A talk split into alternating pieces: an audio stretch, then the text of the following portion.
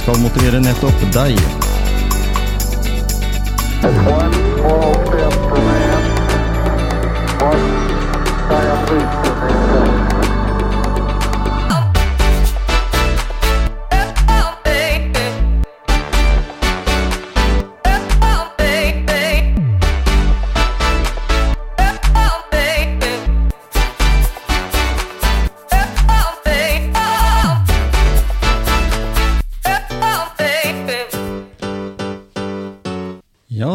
Tilbake i studio, Magnus. Det er vi. Ja, og um, vi er jo ikke holdt jeg på å si, ja, Vi måtte jo tenke litt sånn fotballrelatert eh, denne gangen. Ordføreren nå sist, og så nå um, noen som er tilknytta fotballen. Og, og vi kan jo spole tida tilbake til IL Flint, faktisk. Det er den klubben som han uh, Riise har, har vært Trena innenfor. også. Trena også. Eh, Vi har fått besøk av faktisk Jan Frode Nordnes. Fantastisk. Og i dag hadde vi egentlig tenkt å prate om hvordan det var å være i Norway Cup i 85. For jeg var der i 83, og det var en stor uh, tid for meg. Jeg husker det enda. Enda jeg er jo eldre enn deg. Ja, det er ikke mye. Jeg tror jeg ser eldre ut enn deg. Ja, gjør det? Ja, jeg tror det. Syns dere holder det godt, jeg Ja, begge da. to, egentlig. Jeg er litt skjeggete og fæl nå, men Ja, ikke sant? Men det, sånn er det. Jan Frode, velkommen til Motivasjonspreik. tusen hjertelig takk. Det, det var jo sånn at uh, du fikk jo noen år i vår eh, Eller klubben i våre hjerter, da. Og du, heier, du heier jo fortsatt på Odd. Jeg har lest det i avisa, i hvert fall. Ja, selvfølgelig. Jeg har, vært, jeg har vel vært i klubben i Det ble 21 15 år. Og det er jo ganske lenge. Og når du har vært så lenge i en klubb, blitt så glad i klubben, uh, miljøet rundt, uh, byen, fylket Så det kommer alltid til å være klubben i hjertet mitt. Ja. Og Tønsberg- Tønsberg-gutten eh, Jan Frode, han er Skiensgutten Jan Frode nå. Ja, det vil jeg si. Ja. Jeg flytta ned hit da jeg var 25. Nå er jeg 49, så nå er det snart 50-50. Så jeg kaller meg en ekte telemarking. Det er jeg stolt av. Ja. Men hvor er du vokst opp hen, da? I Tønsberg? Eh, Et sted som heter Tolsrød. Tolsrød, Ja. Jeg hadde en fantastisk fin oppvekst der. Er ikke det når du kjører forbi den der eh, teaterkinoen og så litt videre opp, eller? Jo da, du Ja. kjører forbi Kilden kino. Ikke sant? Så liksom deler veien seg. Da kan du fortsette mot Åsgårdstrand, og så tar du til høyre da ned mot Tolsrud, som er ganske Ja, ja. stort. eh, Tante og onkelen min har bodd her i alle år. Ja. Fint Har du mange, mange søsken, da? Jeg har tre søsken som fortsatt bor i Tønsberg, og så bor foreldrene mine i Tønsberg. Ja. Så det var jo vel sånn da jeg flytta ned for å begynne å spille i Odd i Det var vel november 1998, så var jo planen om å spille fotball. Eh, og når jeg var ferdig med å spille fotball, så skulle jeg flytte tilbake. Eh, det blei det aldri av, og det er jeg faktisk veldig glad for. Ja. Jeg stortrives i, i Grenland, Telemark, da. ja, ikke sant? Og, og i 98 så var det jo liksom en ganske viktig sesong for Odd òg. Ja da, de rykka jo opp. Jeg kom jo etter at de hadde rykka opp. Ja. Eh, Jeg var ikke med på opprykkssesongen, men jeg var med på første år i Tippeligaen, som det het da. Mm. Eh, Og det var, det var stort. Det vet du. Ja, det var jo, jeg var jo, debuterte jo i Tippeligaen den alder av 26. Mm. Så alt er mulig. Ja. Utrolig. Aldri for seint. Men, men sånn før, eh, før fotball, drev du med noe annet ved siden av fotballen, eller eh, Ja, hvor starta det? Nei, jeg har vel alltid vært interessert i fotball. Eh, når jeg vokste opp, eh, så var det det som var liksom Ja, det var det jeg holdt på med, men vi dreiv med alt mulig annet på fritida. Altså, vi gikk jo på skøyter, ski, altså all mulig form for aktivitet. Mm. Det var jo ikke noe PlayStation og Disney Channel og sånne ting da, og Netflix. Så det var, vi var jo stort sett ute og lekte og, og, og var jo sammen med venner fra nabolaget. Eh, hadde en fantastisk oppvekst, som jeg sa i stad, i, i Tønsberg. Da, og, og, men fatta jo fort interessen for fotball. Og da var det jo samle på fotballkort på barneskolen, husker jeg. Det var, det var kjempestas. Og blei jo tidlig Liverpool-supporter. Da var det Liverpool som var den førende klubben i England. Og så husker jeg samla på Kiss-kort. For Kiss det var kanskje den kuleste rockegruppa i verden på den tida der. Vi snakker jo slutten av 70-, begynnelsen av 80-tallet. Mm. Spennende. det var store tider. Jeg husker jo jeg, altså jeg kan ikke det nå lenger, da, det må jeg bare si, for nå er det så mange rare navn på Liverpool. Men jeg kunne hele lagoppstillinga til Liverpool den gangen. Og av en eller annen merkelig grunn så var det David Fairclough. Han var min favoritt. Han var sånn, alltid sånn superreserve. Ja, supersub. Ja. Stemmer det. Så jeg husker han. Ja da. Jeg har jo to brødre vet du, som også Og de er eldre meg. Og da de holdt med Liverpool, så, og Liverpool var det beste laget, og, da, og alle gutta i nabolaget var Liverpool, så det, det måtte jo bare bli Liverpool. Ikke sant? Det, jeg tror det er sånn med de fleste. Du det, har jo kanskje generasjonen litt før meg igjen, som er veldig Leeds når Ja. de var store. Og så har jo de som er yngre enn oss igjen, som da har blitt United, Chelsea, Arsenal, Tottenham. City, Tottenham. Så det er eh, det var litt Tottenham og litt Wolverhampton også her i området. Og så husker jeg Ipswich, for de kom jo og spilte mot Odd på 17. mai.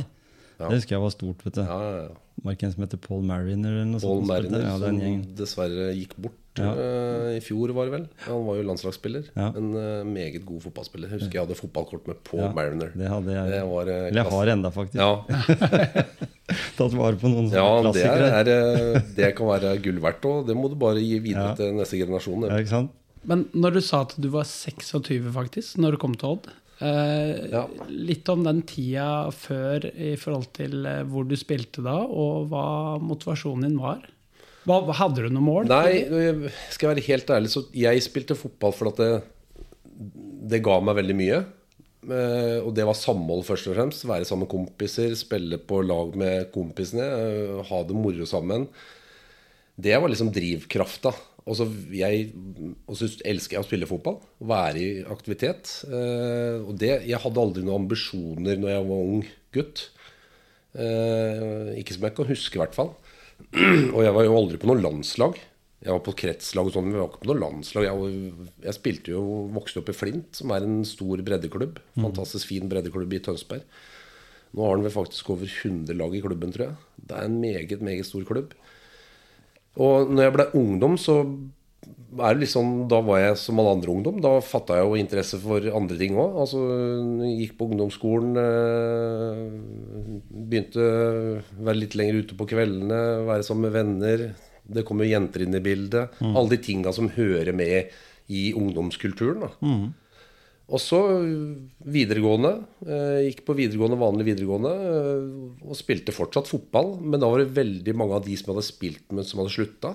Fordi du får jo kanskje gjerne andre interesser mm. langs veien.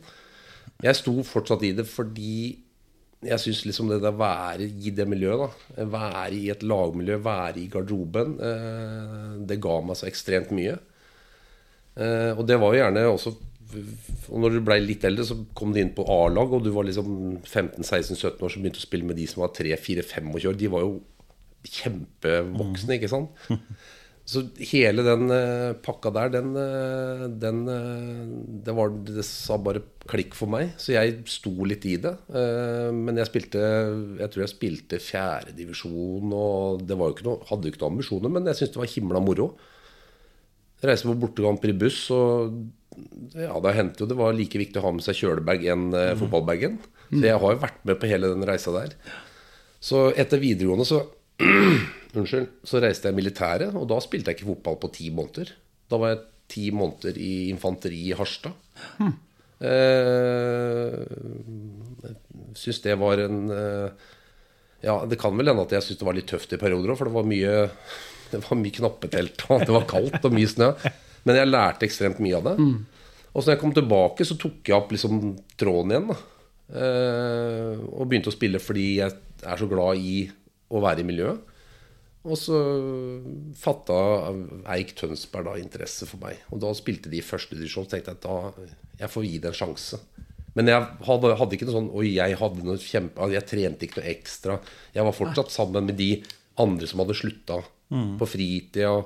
Og gjorde alle de tinga som ungdommer gjør på den tida. Da. Så jeg har på en måte gått en litt annen vei enn kanskje de enn andre som har hatt liksom ambisjoner fra det. Jeg har vært mye yngre. Så jeg tror fordelen min er at jeg har på en måte aldri stressa eller jaga noe. Jeg har vært moden for neste steg når jeg har tatt steg for steg. Da.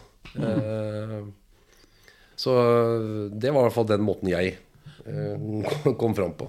Hatt, Men- hatt det gøy, rett og slett. Ja, men Tror du det kan være en god måte for noen? Som du sier, Det gjelder jo sikkert ikke alle, men altså noen også Ja. begynner litt sånn at du får også den Da er det liksom ikke den lengten etter det, så den ungdomstida. Hvis du tenker på de, Nå er det en annen idrett, da, men hvis du tenker på de Ingebrigtsen-brødrene har de, eh, Vet egentlig Jakob hva han på en måte ikke har fått med seg? da? Eller, eller har han på en måte allikevel hatt det så, vært så dønn klar? Fordi det er noen som sier at når jeg, når jeg er tolv år, da, at jeg skal bli fotballproff. Ja. Eksempel Haaland, f.eks. Ja, ja. Som vet det at han har. Og så har han kanskje også støtteapparatet rundt seg som sier at eh, eller som løfter han opp. da. Men, men så allikevel du valgte å gå den der veien. Og når du da kom til Odd, 26 år, eh, et lag som hadde rykka nylig opp til eh, Tippeligaen, som det het den gangen, så var det jo stilt store forventninger til, til Odd helt ifra starten. Det var det jo. Ja da. Ja, da. Og, og da var det vel Arne Sandstø som var trener, var ikke det? Nei, For, eh, Tom, Tom, Nordli, Tom han var, som var trener. Stemmer. Han, Men Arne Sandstø var spiller, Ja. så jeg spilte med Arne. Ikke sant? Han tok over etter Tom, han. Ikke sant? For det var jo Tom han gikk vel også litt etter hvert over til laget han heller ville trene enn Odd. da. Ja da. Det var jo han som løfta laget opp til, til Eliteserien, eller Tippeligaen. Ja, Mm. og det begynte vel litt før altså Det var vel når de gikk sammen i Grenland her og kalte Odd Grenland og Pors Grenland, og Ja, ja. gikk inn og samarbeida. Altså, det begynte vel under Lars Borga Våge, og så Mm. kom Tom Nordli inn, og så løfta Tom Nordli laget opp i, i Tippeligaen. Og Mm. så har jo klubben mer eller mindre vært i den øverste divisjonen, med unntak av et nedrykk i 2007, er det vel. Så Mm. det er en sterk prestasjon.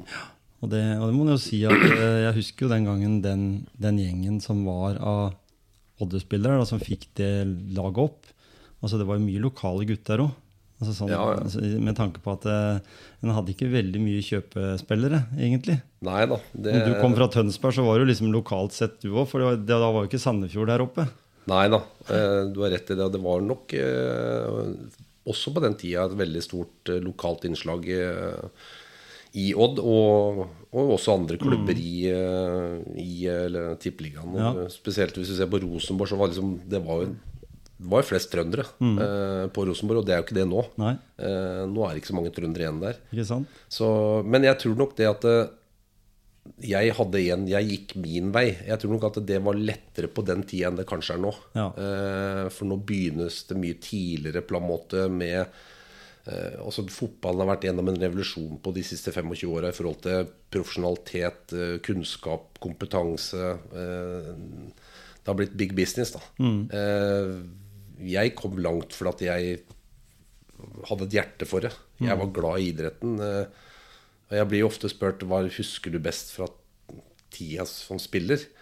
Så tror jo liksom, forventer alle å si at nei, cupgull i 2000 eller Nei, da pleier jeg å si at det, jeg husker best, er hverdagen. Altså ja. garderobekulturen. Altså være i garderobe med guttene. Altså samholdet.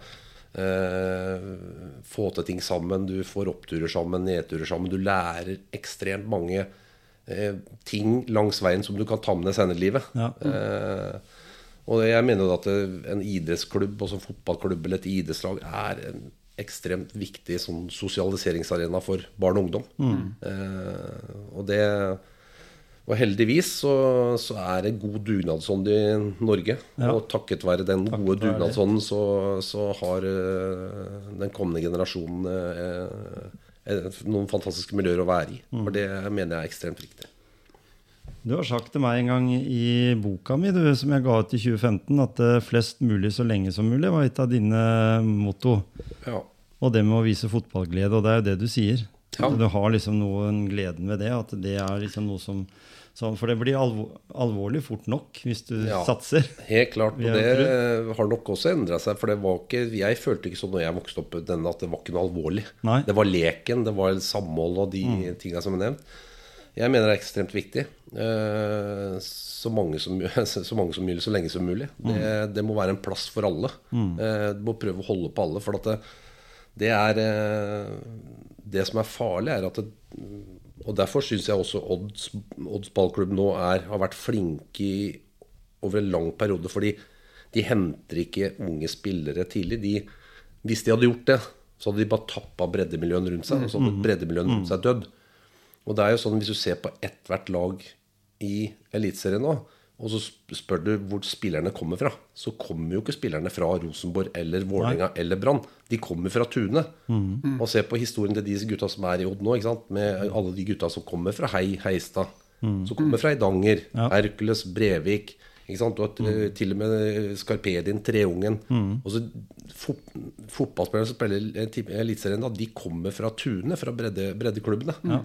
Og Det er derfor det er så viktig å bevare breddeklubbene. For at eh, Hvis ikke du har breddeklubber, så kan du heller ikke ha toppklubber. Nei.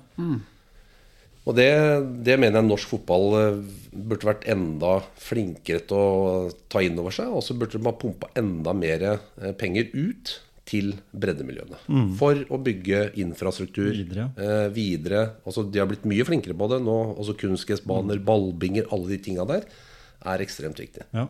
For det er en forutsetning for at de du skal få spillere helt, helt opp. Mm. Og det, det husker jeg faktisk. Jeg var jo i Gulset det siste året Joshua var der. Og da husker jeg jo det at han hadde jo veldig lyst til å spille på Gulset, han, men eh, gutta på toppidrett ville ikke at han skulle, for de mente jo at femtedivisjon var sånn brutalt, brutal arena for en unggutt på, på Han var jo ikke akkurat den Han hadde ikke den bygningen som han har i dag, for å si det sånn. Og, og det kan jo tenkes at eh, Eh, Gulset med mer midler kunne hatt enda bedre banefasiliteter og utvikla enda flere unge talenter, og det har de gjort. Det har vært heldig med en hel familie der, da. Men allikevel, Ja, ja, ja. Men allikevel så kan det jo si det kan være- finnes flere sånne familier. Uten tvil, og, og Gulset er jo en stor by. Det er jo den største bydelen i Så det er også bygge infrastruktur, altså ha flere kunstgressbaner, ha eh, muligheter for å trene innendørs, så barn og ungdom har et sted å være Ja. og kunne trene.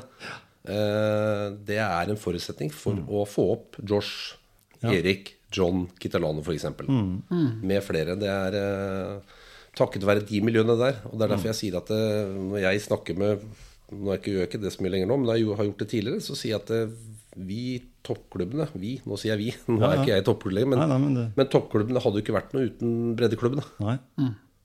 Så du, du er dønn avhengig av de.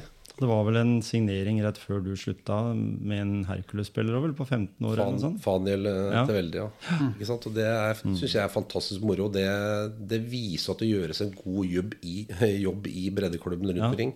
Ikke sant? Du ser Filip Jørgensen, Kragerø, Mm. Thomas Grøg og Kragerø. Altså du har, kan du ta alle mulige eksempler. Mm. Eh, og Derfor er det, mener jeg det er viktig. Pump også mer penger tilbake til breddefotballen. Mm. Utdann trenere. Eh, bruk, eh, mer tid, nei, bruk mer penger, mer kunnskap og kompetanse. Få det ut, så, så kommer fortsatt klubbene til å produsere toppspillere. Jeg mener at den modellen der, den har jo eksistert. For jeg mener det var den Rosenborg hadde når Nils Arne Eggen var trener i Rosenborg. For da pumpa de Eller han var sikkert med på å påvirke og pumpa ut mye penger i Byåsen og eller klubbene rundt, eh, rundt i, i området for å på en måte få de rette talentene, da. Og da kunne det komme noen fra fra Tydal, og det kunne komme noen fra, fra de strøka utafor, liksom, som var litt lenger unna, men, og som ikke hadde de samme mulighetene, men allikevel de var gode i fotball. da. Ja, ja. Så så det tidlig. Så, så det var som du sa i stad, det var litt flere trøndere på, på, på Rosenborg før. Det var det. Det var flere trøndere. Men det var jo Og det det var litt av sjarmen med Rosenborg på den tida de var Ja. de herja. Og det var jo at du hadde nesten Førsteelveren var jo trøndere. Mm. Og jeg tror nok også da at Rosenborg, altså Trondheim, trønderpublikummet, kunne identifisere seg med, Mm. med, med laget. For at eh, nabogutten eller han som bodde litt eh, bort, lenger bort i gata, spilte faktisk på Rosenborg. Og det tror jeg er viktig. Der mener jeg Odd har vært fantastisk flinke i mange, mange år. For at det, det er Jeg tror i fjor og de siste åra så har vi i snitt starta seks-syv spillere som er eh, fostra opp i Grenland. I ulike breddeklubber. Og det viser jo den eh, kommende generasjonen at det er fullt mulig å bli eh, eliteseriespiller Ja, i egen by. Det er fullt mulig å få det til. Så det, og det syns jeg er viktige signaler å gi ut. At det er, eh, det er fullt mulig om du vokser opp i Hjartdal, eller om du kommer fra Tønsberg eller Kodal, som Morten, Fe, altså Morten Fevang kom fra Kodal. Ja. Det, er ikke, det er ikke Barcelona vi snakker om. Så, så alt er mulig. Og det er eh, The sky is the limit. Var Frode Johnsen fra Skottfoss. Skottfoss, ikke sant? Ja, ja, ja. Men, men vi kunne jo prata mye om eh, din eh, karriere. eh, Og det er jo mye kjempe... Jo. Jo da, det, det er det. Og du har spilt med veldig mange gode spillere, som Ron, Ronny Deila f.eks. har du jo spilt mye med. Du har jo spilt med Bård Borgersen. Mange av de gutta som jeg husker, i hvert fall, var med å løfte laget. Eh, Men jeg har lyst til å vite litt, for vi er jo en motivasjonspreik. Og et spørsmål som svirrer litt i huet på meg, da, det er hva er det som motiverer en uh, fotballtrener sånn, til å stå opp om morgenen? Liksom, og du, for nå, nå tenker jeg da som generelt altså Nå har jo du én måte sikkert å være eh, toppfotballtrener på, eller som, som du har vært i, i en stund. Uh, og du var jo ikke bare det at du var hovedtrener, men du var jo assistenttrener, så det er sikkert kanskje enda mer sånn Kall det sånn drittarbeid som, ikke, som ikke eh, å si, Fagermo ville gjøre, som du, du måtte gjøre. Så dere hadde sikkert ulike roller der, eh, siden dere var et veldig bra trenerteam. For jeg vil jo si at dere to sammen var jo et veldig godt team. Eh, sånn, det virka i hvert fall det ut blant folk. Hva var det som var motivasjonen din da til å stå opp om morgenen, skulle reise ned på Skagerrak og starte dagen? Fordi du skulle jo ikke bare motivere deg sjøl da.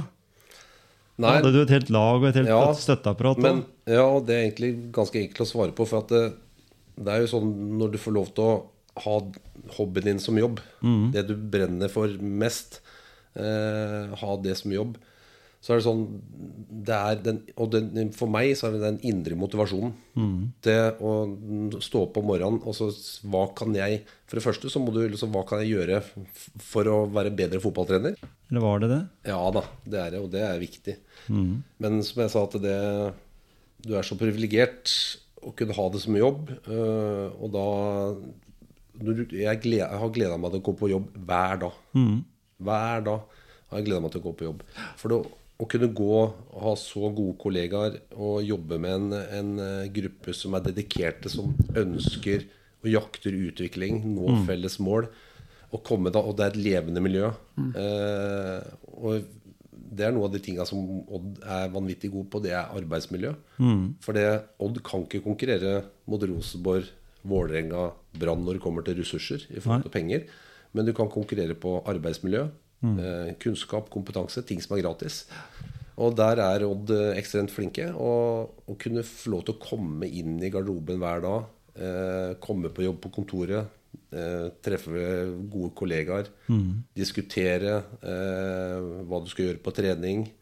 Og det starter jo hver eneste dag med at det er et felles møte med alle trenere, fysioterapeut, fysisk trener. Og hvor da du går gjennom eh, treningsøkta, da bruker du ca. halvannen time på å planlegge en økt. For det er, du må individualisere også, for du har, som du sa, Tom Kjetil, at du har gutten på 15 år, Ja. det er Espen Ruud som er 38. Ja. Og så er det å sørge for at du gir riktig stimuli, altså riktig dosering, til hver eneste spiller hver eneste dag. Og det er uh, utrolig givende. Og ja, jeg sier at jeg har vært så privilegert at jeg får lov til å ha vært med så lenge mm. og gjøre det. Det er jeg kjempeglad for, for jeg har lært ekstremt mye langs veien. Men det, det du sier om det der med trivsel, da. Det er noe som er utrolig viktig igjen, eh, på en generell arbeidsplass også. Ja. Det er noe du kan definitivt ta med deg videre, og er veldig overførbart over til næringslivet. da. Nemlig. Helt klart. Det med trivsel og, og vite viktigheten av, av effekten av at folk har det bra og trives på jobb, det er alfa og omega. Ja, det er eh, utrolig viktig. Altså Ha et godt arbeidsmiljø hvor alle eh, føler, føler tilhørighet. Og så må du ha tak i det. Jeg er, jeg er jo stort sett i godt humør. Eh, jeg er positivt skrudd sammen. Jeg er offensiv. Og så i en, i en fotballklubb, i en garderobe, så er liksom den, den fleipetonen. Altså garderobekultur, liksom, hvor du kan fleipe med hverandre. Du må ha tak i det.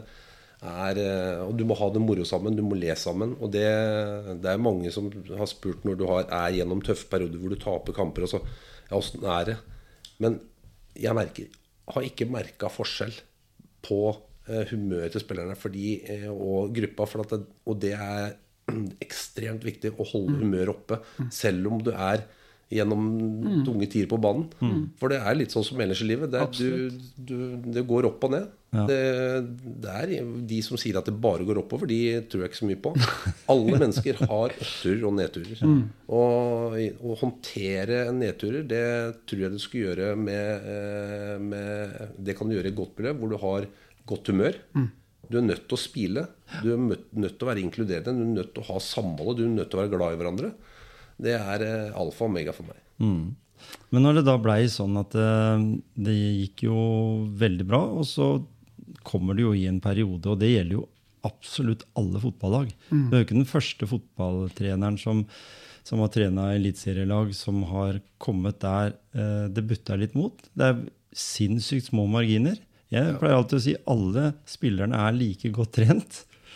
De er jo det. De er jo, de er jo toppidrettsutøvere, så de trener jo, som du sa, her, eh, hver dag og det er flere økter. Og, og får sikkert masse egentrening. Og det er ikke noe sånn eh, Det er ikke sånn som det var borti England i gamle dager, at de kom liksom sånn halvfeite tilbake etter sommerferie. Nei, den held, og heldig takk og lov for det. At Ja, det har vært en positiv utvikling der. Eh, Ja. Det er toppidrettsutøvere som eh, er dedikerte som Og jeg sier det, det var en dansk sportssjef som sa en gang at en fotballspiller har ikke veldig godt betalt for de to timene han trener om dagen, men han har veldig godt betalt for de 22 timene ellers i døgnet. Altså Du må leve som en toppidrettsutøver, og heldigvis eh, Og der er vel den kanskje største endringa fra, fra da jeg spilte Ja, ja. fram til nå. At spillerne er eh, er 24-7-utøvere som, eh, som eh, må ta vare på kroppen sin. Og for det er alt fra kosthold til trening til søvn til restitusjon osv. er ekstremt viktig. Og det, det husker jeg faktisk fra når det var en periode jeg jobbet i Skjærgårdshallen, og da trena dere der ute, for da var det vinterforhold da, overalt. Til og med på den forrige Skagerrak Arena, eller hva den het for noe da, Odd Stadion. Og da kom de ut der, for der var det tak over huet, og da var det mye bananer. De gikk, og da var det Paulsen som styra Ja frokosten og Ja lunsjen og Ja det som var, tror jeg. Så Det var mye bananer og frukt. eh, Ja, ikke sant? det gikk noen eh, del kasser, Bama-kasser, eh, Magnus, på en trenings, treningsuke. Det er godt for meg. Det er bra. Ja, ikke sant? Det, det klinger i dine ører, det her, Magnus. Ja. Fikk vel de spons alt, tenker jeg. Så Ja da. kanskje. Men det er blitt veldig Altså Du har alt av sånn type restitusjonsdrikker, du har Ja. restitusjonsverktøy, du har kuldebad, varmebad Altså du har eh, alle mulige Du har en svær verktøykasse. Og Odd-guttene spiser jo felles frokost, de spiser felles lunsj. En meny som de setter opp sjøl, som en kokk som lager maten til de.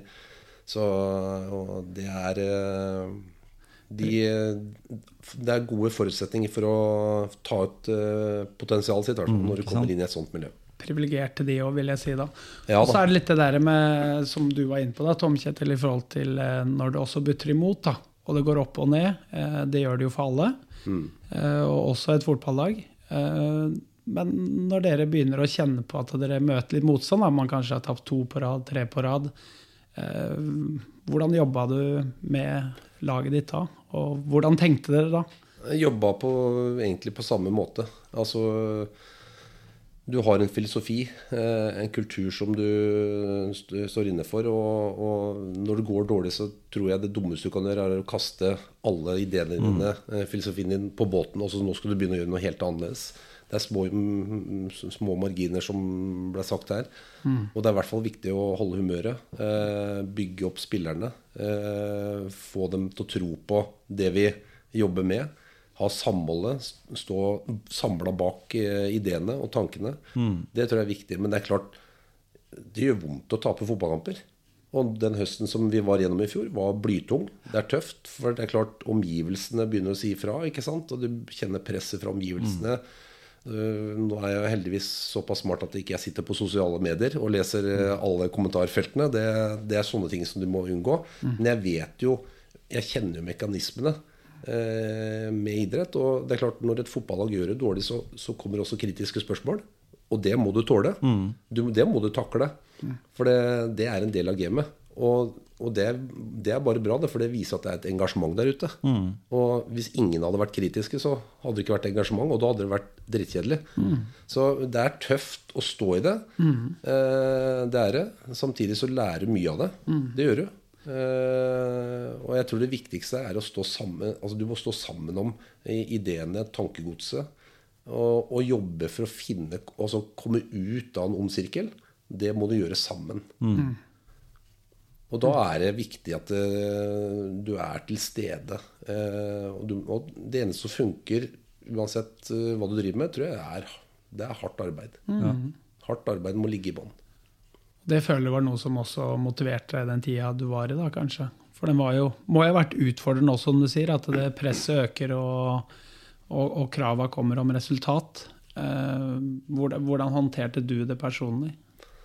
Jeg, det er vanskelig å svare for seg sjøl, men jeg mener sjøl at jeg har håndtert det bra. Eh, Jeg bestemte meg ganske tidlig når jeg fikk jobben, at eh, om det skal gå bra eller dårlig, så skal jeg være den samme. Jeg, skal, jeg er den jeg er. Mm. Jeg må være den hovedtreneren jeg er. Jeg har min personlighet. Jeg kan ikke endre meg. Og jeg bestemte meg for at hvis det går dårlig, så skal jeg i hvert fall ikke jobbe meg. Jeg skal være på butikken. Jeg skal tørre å gå ut og spise middag med samboer og gode venner. Jeg skal ikke gjemme meg vekk. Jeg tror det er feil. Eh, så jeg føler jeg liksom har vært den samme, selv om det har vært tungt å komme hjem når du har fjerde-femte tapet på rad, og komme hjem søndag kveld sliten, utlada. Så er det tøft, og du vet at du skal Men, men de beste ja, idrettsutøverne, lederne i verden, de kommer seg fort opp på hesten igjen. Mm. jeg har ikke noe trua på å sitte og surmule og, og grave og, og ja, være negativ. Da. Du, må liksom, du må snu det så fort som mulig og komme på den og være offensiv. Løfte, løfte blikket. Men Løfte hvordan var, det, ja, hvordan var det å komme da, tenker jeg, inn i garderoben sånn når du, begynte, du begynte sikkert å merke at det var et eller annet i gjerdet. For det gjør jo alltid. Liksom. Sånn er det jo på en arbeidsplass òg. Hvis du føler at det nå har du på en måte ikke levert. Jeg har jo jobba med salg i mange år, så jeg vet jo åssen det er å ikke levere og bli liksom stilt til ansvar for at du ikke har fulgt budsjetter og sånn. Så kjenner jo Magnus sikkert til òg. Eh, og det er den verden vi lever i. Men, men hvordan, hvordan følte du den? For du, du, som du sier, du smiler, du er en positiv person. Du skaper en sånn positiv aura rundt deg, og så plutselig så tenker du at det For det var jo litt sånn Det kom som julekvelden på kjerringa for alle oss, egentlig.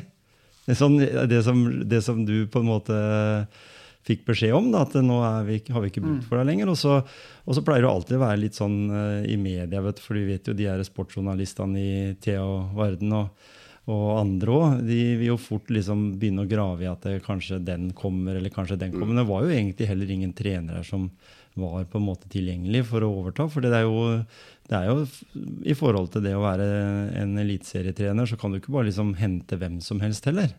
Dere er jo, har jo erfaring, og det er liksom noe, noe i Ja da. den verden òg. Ja da. Jeg følte jo i hvert fall det på høsten i fjor, så følte jeg at jeg hadde støtte i hele klubben. Eh, hadde tillit eh, fra hele klubben. Og vi var inne i en eh, fæl periode eh, som vi sto sammen for å komme ut av. Eh, vi klarte i hvert fall å, å berge plassen. Ikke sant? Så, så skjedde det som skjedde. Det kom jo litt sånn lyn fra klar himmel for Ja. meg òg. Eh, Men det som er når du er inne i den tøffe perioden, så er det Jeg har jo vært spiller sjøl, og jeg har også opplevd tøffe perioder som spiller. Og det er jo sånn når du driver med idrett og, eller andre ting, altså når det går dårlig, så går jo det utover selvtilliten. Eh, og det er, eh, det er ikke så mye som skal til. Nei. Eh, og det er jo sånne ting som er Og da kommer det inn som mentale prosesser igjen. Og det heldigvis så har fotballen, som mange individuelle idretter, begynt å benytte seg av mentaltrening, f.eks. Mm. Som har blitt mer og mer viktig. Og det har jeg veldig trua på. Og det tok jeg også bruk sjøl. Eh, den fysiske treneren i Odd, Mikkel Marker, han er altså utdanna som mentaltrener. Så han hadde en del sånne sessions med som, som jeg følte hjalp meg veldig bra. Da. Og det, det tror jeg er viktig, for at det er, det er det samme nesten laget som bare et halvt år i forveien gjør det veldig bra. Ja, det og så plutselig så går det litt imot, og så kommer det litt inn ond sirkel, og så er det sånn åh, i dag igjen. Det er så lite som skal til, det er så små marginer. Eh, og da må du jobbe med spillerne for å få de opp igjen. Altså, mm. og, og, og, kunne- få ut uh, makspotensialet sitt i, i matchene. Men det er, en, det er veldig enkelt å si det. Men uh, det er ikke alltid du klarer å få det ut. Nei, for sånn som Fra utsida så kunne det jo se ut som at det også enkelte sentrale spillere, uh, sånn som du nevnte Steffen Hagen, da, han, han hadde jo ikke spilt så veldig mye hele sesongen. Og, og han har jo sikkert tryggheten sjøl etter, etter mange år. Jeg husker jo faktisk den sesongen han fikk vel kapteinspinnet i en, eh, Var var det Arne Sandstø som var trener da? Som ga han kapteinspinnet? Det tenker jeg det var. Ja, jeg husker det i hvert fall. At, eh, at han fikk det, og det var han ikke moden for, husker jeg den gang. For han liksom blei helt sånn eh, Ja, det er ikke gitt at hvem som helst kan ha det. Jeg mener Tommy Svindal Larsen han er mer en kapteinstype. og du var jo også en, på en måte en sånn bauta bak der. Og det var flere.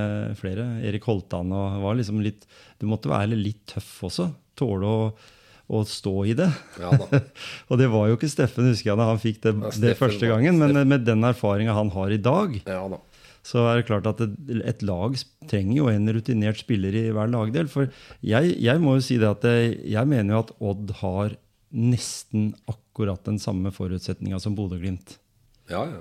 Fordi de har liksom, det er litt sånn utkantlag. Ja. Eh, de har ikke den økonomien som de toppklubbene har. I hvert fall hadde ikke Bodø-Glimt det. Nei, de har fått det nå. De har fått det. Men, og det er ikke mange åra siden jeg spilte syver-NM der oppe med, på, på den eh, Aspmyra, og det var jo en veldig sliten bane. Så, så, så tenker jeg at da er det jo håp for Odd òg, liksom. For de har den samme tenke, tenkemåten. De Ja henter litt vrakgods, hvis en kan kalle det det. Folk, altså Spillere som ikke har lykkes eh, kanskje andre steder, og så har de egne talenter, og så kommer de rundt. Og så har de jo hatt en sånn eh, der de har tatt ofte fra Rosenborg, da, spillere som ikke har lykkes der. Eh, Og sikkert mye av det samme at de henter spillere fra, fra områdene. Så det er jo mye av den samme greia. Men det jeg tenkte, da, det er at de har gjort én Og da kan jo det hende at du sier noe annet, men de har gjort én ting, og det er at de har henta inn gamle karer, hvis vi skal kalle det det. Henta Berg-brødrene, Bjørkan, altså andre spillere som har vært ute en vinter da før.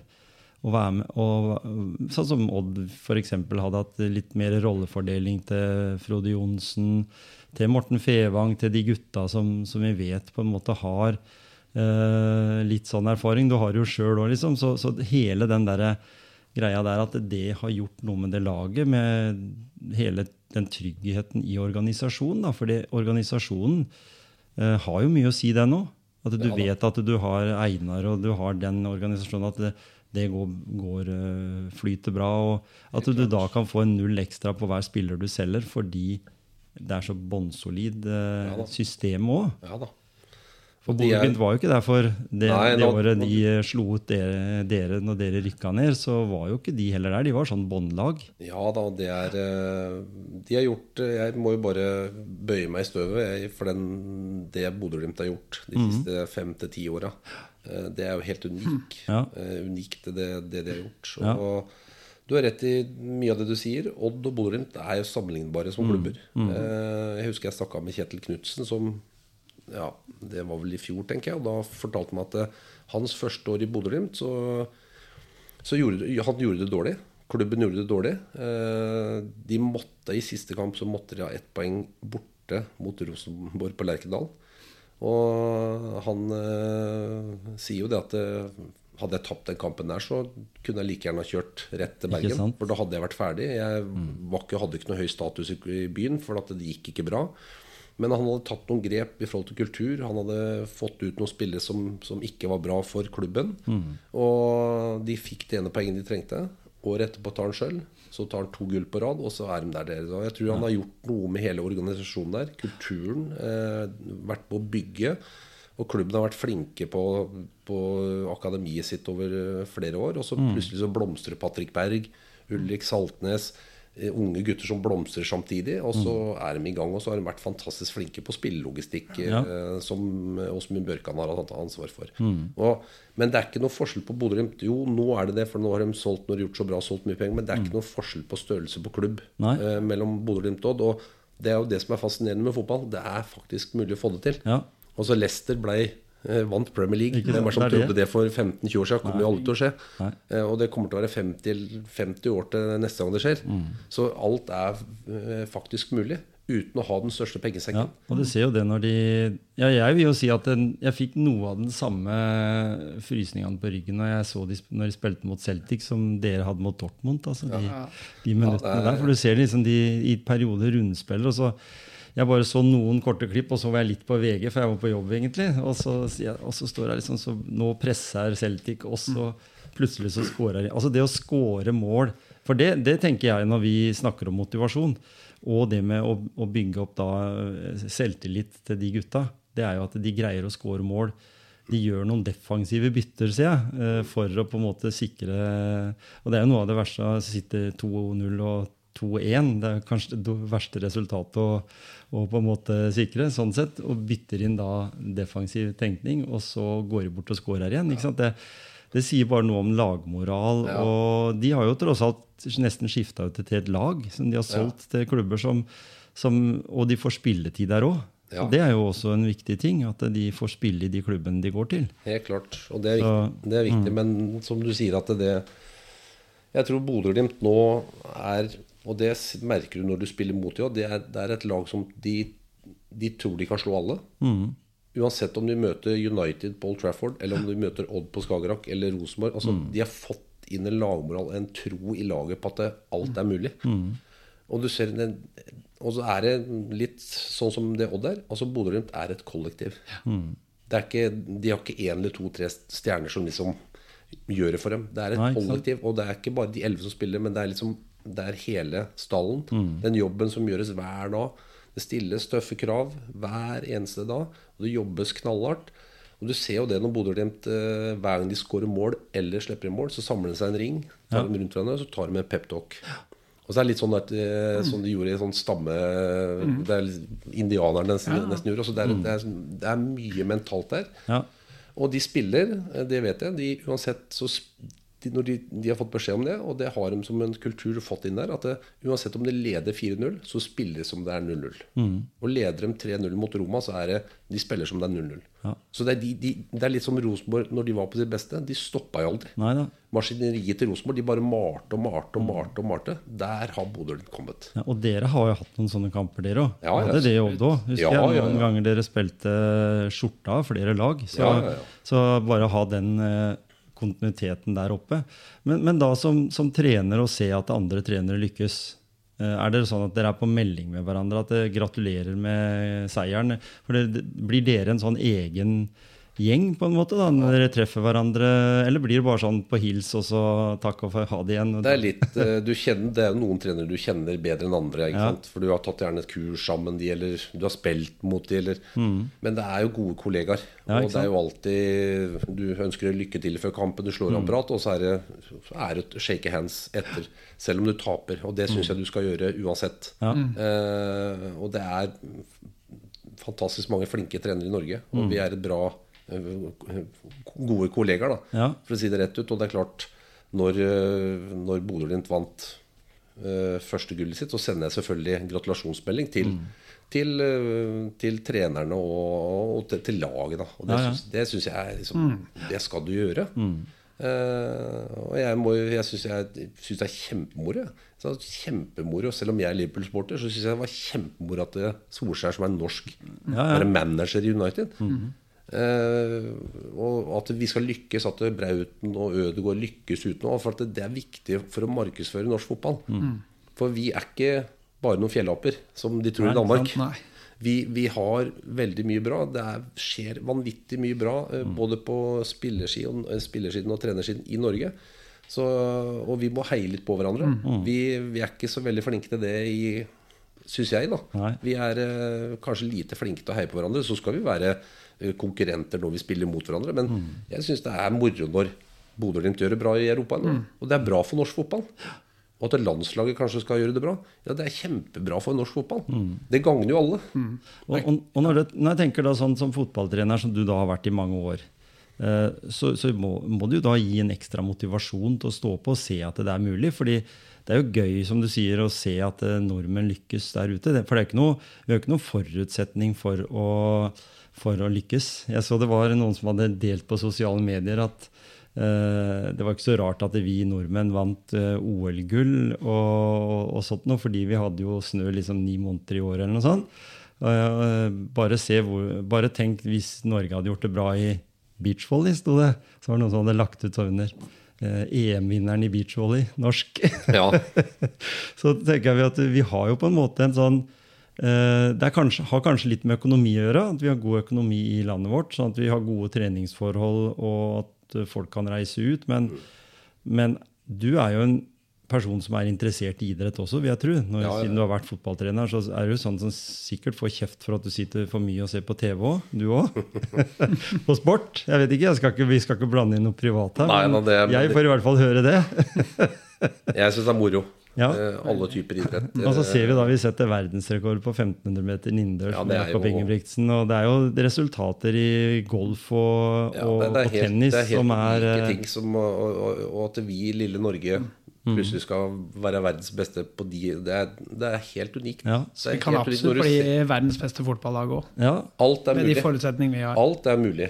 Så, Men så Hvis- har vi, har vi noen konkurrenter der ute da, som også kan sakene Ja, sine. Som, eh, så, så det, men men det er, hvorfor er det ikke mulig for uh, et norsk landslag å kvalifisere seg til EM og VM? Det er fullt mulig. Sverige klarer det. Danmark klarer det. Island Mm. Ja. klarer det. ja.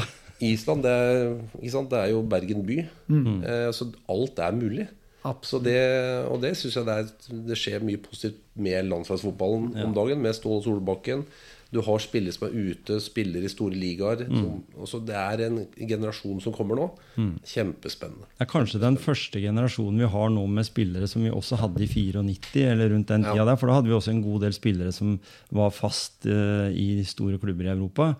At vi er tilbake igjen der nå. For det, de må ha spillet ute. Det ser vi jo på håndball. At Ja, ja. det, vi hevder oss fordi det er stjernene, det er nordmenn, og spiller i de beste ligaene ute, i, ute i Europa. Ja. Og så flytter vi kanskje noe av det hjem da, etter hvert nå, med Elverum som gjør det bra. og Ja da. Så skal vel, egne Kol, ja. skal vel Kolstad i Trondheim er ikke det, som skal satse litt med Sagosen og Ja, ja. andre. Men det er, det er jo litt Ofte så er det sånn at fotballspillere Det er viktig Hvis en fotballspiller skal gå ut, så sa du det i stad at det er viktig at de får spille. Mm. Og det mener jeg er viktig. Det må en fotballspiller også tenke på Mm. eh, når, eventuelt når han reiser ut. At det, han må reise til en klubb han kan få spille i. Ja. For det er så viktig for utvikling. Og, og det, der tror jeg nok det er litt for mange som blir blenda litt for mye i ung alder. At de blir henta til akademi et eller annet sted, Mm. til store klubber. For der er nåløyet altså, Å komme til akademiet til Manchester City, det er sikkert fantastisk. Men å bryte igjennom i det akademiet, Mm. Ja. det er knalltøft.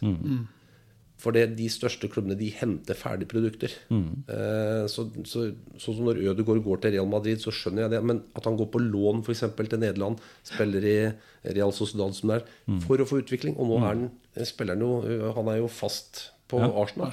Ikke sant?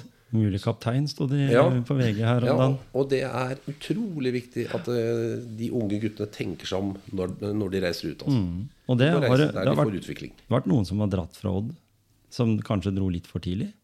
Ja, At det er litt sånn at de kunne utvikla seg enda litt mer. fordi mange av de kommer jo tilbake igjen. ja. Fordi de får ikke spilletid. Og finner ut at det, det betyr noe, det òg. Å få spille.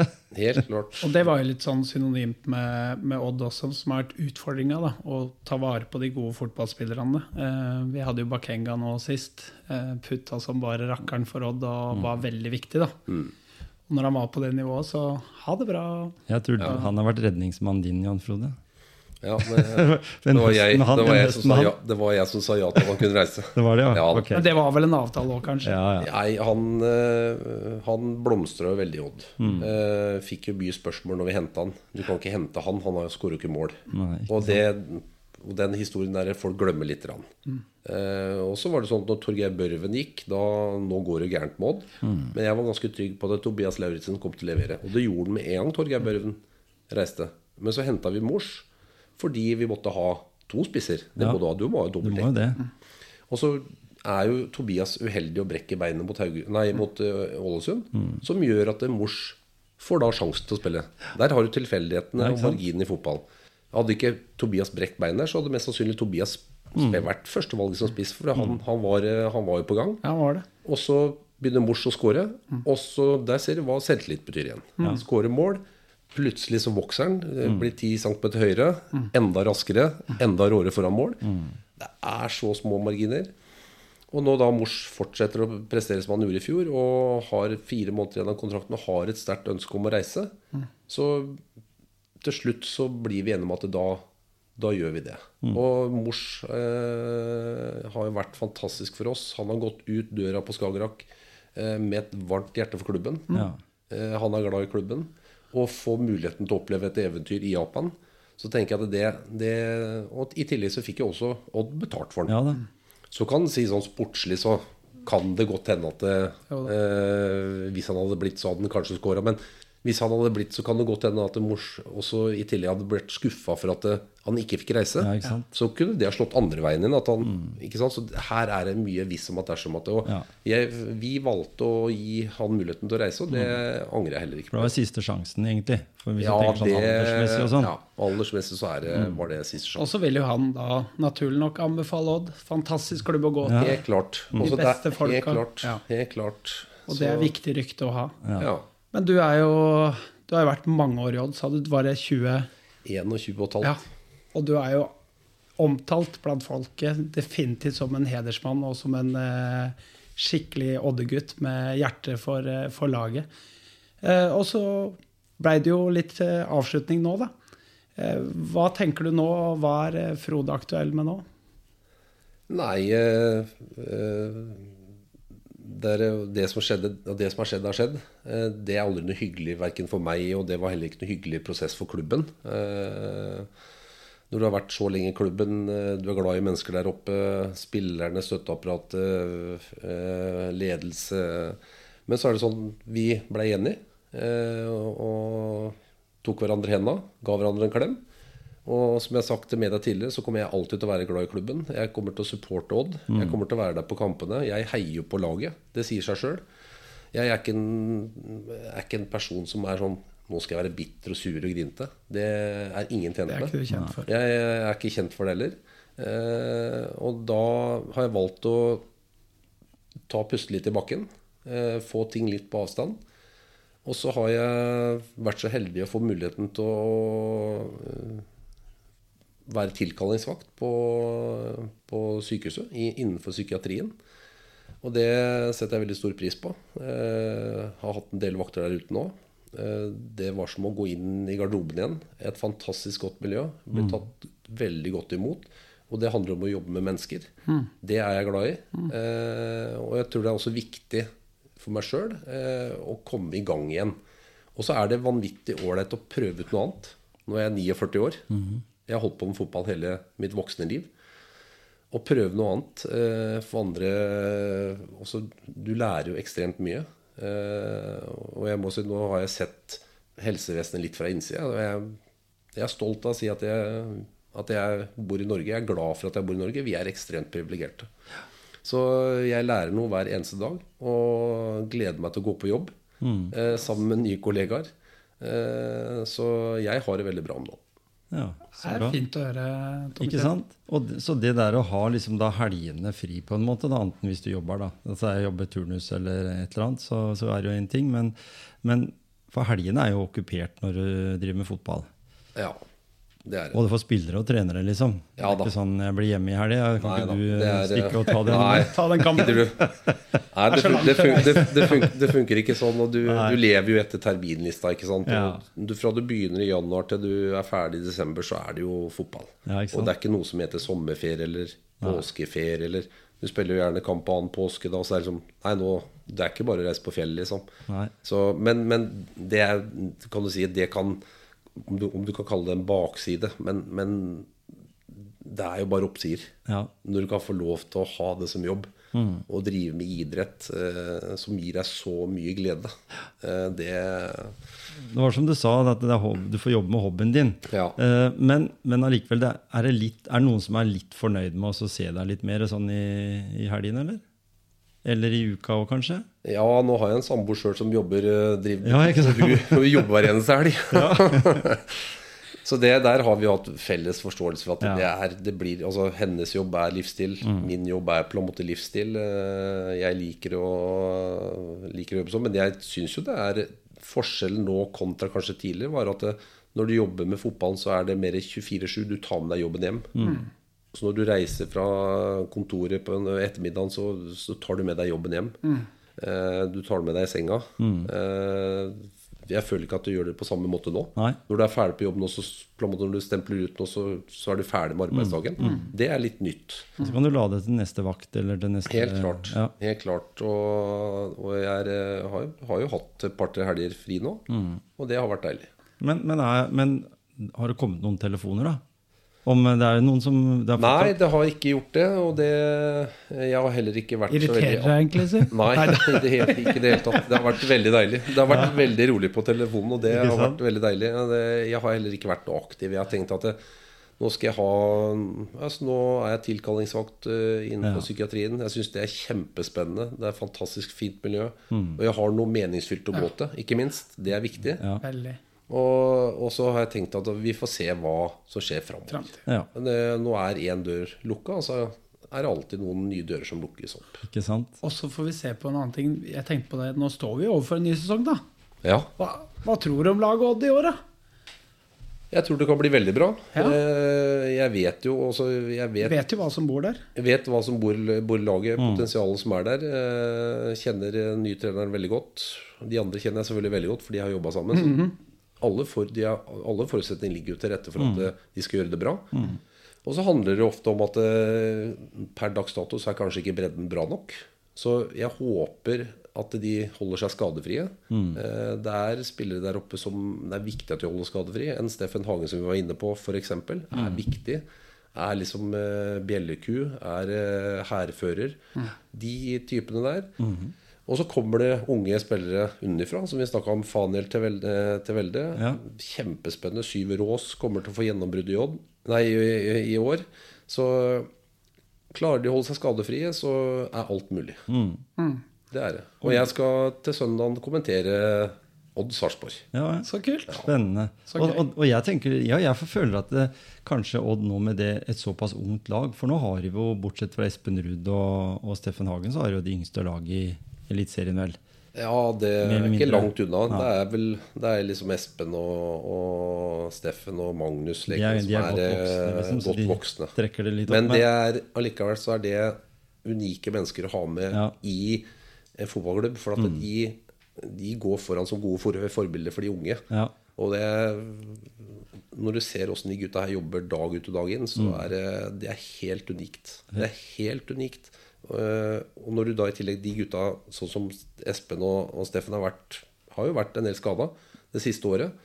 Men å komme tilbake til skade, og når du ser hva de har lagt ned av jobb for å komme tilbake, ja, det, det er det er helt imponerende. fantastisk. Det er Og de går foran eh, på trening hver dag, og de er vanvittig inkluderende. Eh, så det er, de er gull verdt for klubben, altså. Mm. Da tenkte jeg sånn helt på slutten, Jan Frode.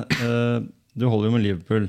Ja. Uh, Og vi må jo nødt til å spørre liksom da hva du uh, vil si hvordan utfallet blir i Eliteserien uh, i 2022. Er ikke det?